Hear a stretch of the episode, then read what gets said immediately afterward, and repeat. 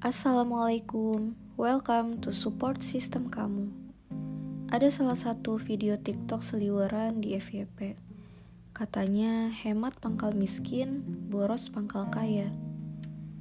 Banyak orang-orang yang dia temuin katanya secara lifestyle itu boros banget. Belanja ini dan itu, traveling ke sana dan kemari, tapi tetap aja tuh kaya bahkan semakin kaya. Tapi orang yang hemat banget, nabung terus, eh nggak kaya-kaya tuh. Yap, sorry ya, mungkin kata-kata ini sarkas dan ngejelek banget bagi sebagian orang.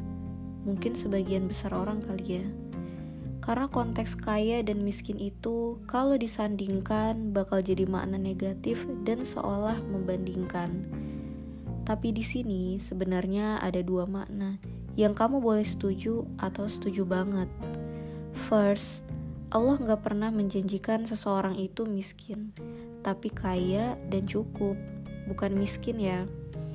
Memang ketika kamu dikatakan cukup, ah cukup dari mana, mau beli ini nggak ada, itu juga nggak ada. Mungkin terasa kekurangan ketika mau beli banyak hal yang dirasa penting.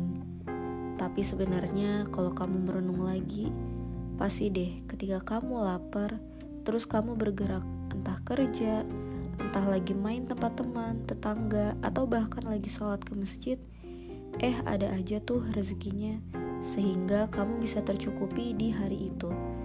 So, miskin itu nggak ada. Walaupun kondisi kamu sedang kurang banget, jangan pernah bilang miskin ya, karena rezeki kamu pasti sudah dicukupkan. Secondly, bicara soal boros dan hemat, ada hal yang unik yang harus banget kamu tahu tentang uang. Bahwa uang itu gak suka loh disimpan-simpan. Kok gitu? Uang kan benda mati, masa punya sifat begitu? Ya, selama ini siapa coba yang sering menyematkan sifat ke uang? Bahwa uang itu panas, sumber perpecahan, gara-gara harta waris keluarga jadi berantem, Uang bukan segalanya, uang bukan sumber kebahagiaan. Nah lo, kita semua tahu fungsi uang itu sebagai alat tukar yang sah menggantikan sistem barter yang dahulu sistem ini gak jelas nilainya. Karena itu, yang dimaksud dengan boros itu sebenarnya bisa berarti konotasi negatif dan bisa juga berarti positif. Misalnya, boros sedekahnya, bantu orang-orang yang dibutuhin, boros beliin keperluan keluarganya, boros investasi, mengembangkan diri, belajar, dan usaha lainnya. Ya, semua itu jelas membutuhkan uang. Jadi, nggak pelit mengeluarkan uang yang dia punya, itu adalah boros yang positif. Dan akibatnya apa? Uang yang mengalir, memberikan, dan ditukar dengan kebahagiaan untuk banyak orang, termasuk dirinya sendiri. Nah, dengan rasa bahagia yang selalu ia rasakan, maka uang bakal sudi akan datang kepadanya secara berlimpah dan dari arah yang gak disangka-sangka. Ada banyak pintu rezeki yang Allah buka, termasuk untuk mereka yang bersedekah. Dan supaya uang mengalir deras kepada kamu, justru kuncinya adalah dengan mempunyai tower-tower rezeki. Apaan tuh tower rezeki? Artinya, uang kamu harus memiliki posnya dulu. Tanggungan kamu apa aja, kebutuhan kamu apa aja, dan semakin banyak yang kamu butuhkan, Allah pasti bakal memberikannya. Jadi, prinsipnya dibalik dulu. Bersenang-senang dahulu alias bahagia, kaya berlimpah kemudian. Jadi bahagia dulu, baru kaya kemudian. Jika kamu ingin mendapatkan pertolongan, tolonglah orang lain jika kamu ingin keluar dari kesulitan, bantulah orang lain keluar dari kesulitannya.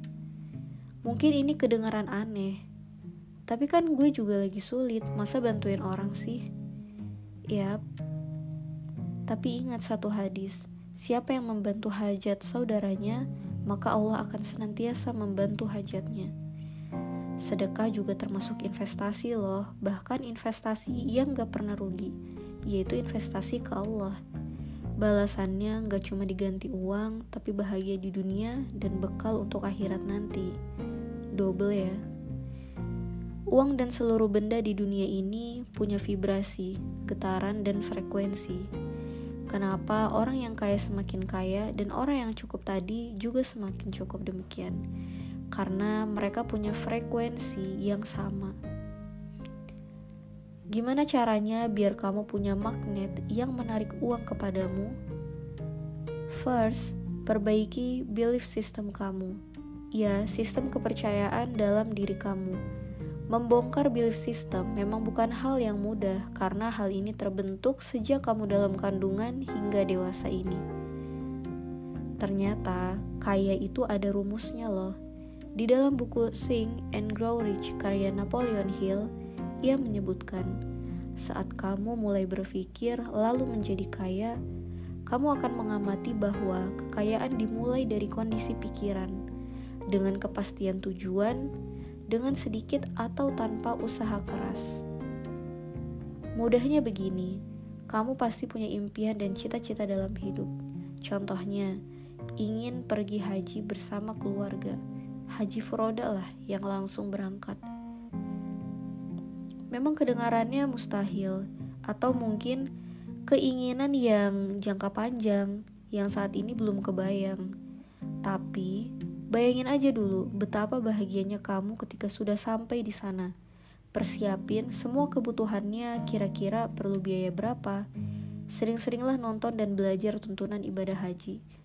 Gak usah tanya biayanya dari mana. Ngimpi lu. Ah gue aja bu buat makan aja susah. No, ganti semua kata-kata negatif jadi positif. That's hard. Kalau dibilang kepedean, ya memang harus pede. Ingat nggak film emak naik haji atau tukang bubur naik haji? Sampai mereka nyebutin talbiah dalam mimpi, dipajang foto Mekah di rumahnya, dilihatin setiap hari dengan penuh harap dan bahagia seandainya mereka udah nyampe sana. Dikira orang gak waras kan? Gak apa-apa, yang penting itu impian yang nyata dan bisa diraih semua orang.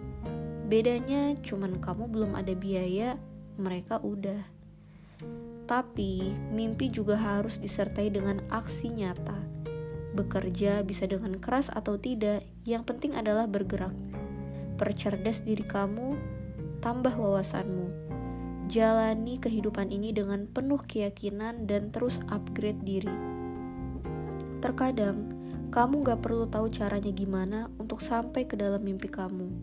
Selama kamu udah punya niat yang lurus, goals yang jelas, langkah yang pasti, dan utamanya selalu bahagia, percaya saya, kemustahilan itu tidak ada. Siap untuk kaya dan bahagia hari ini?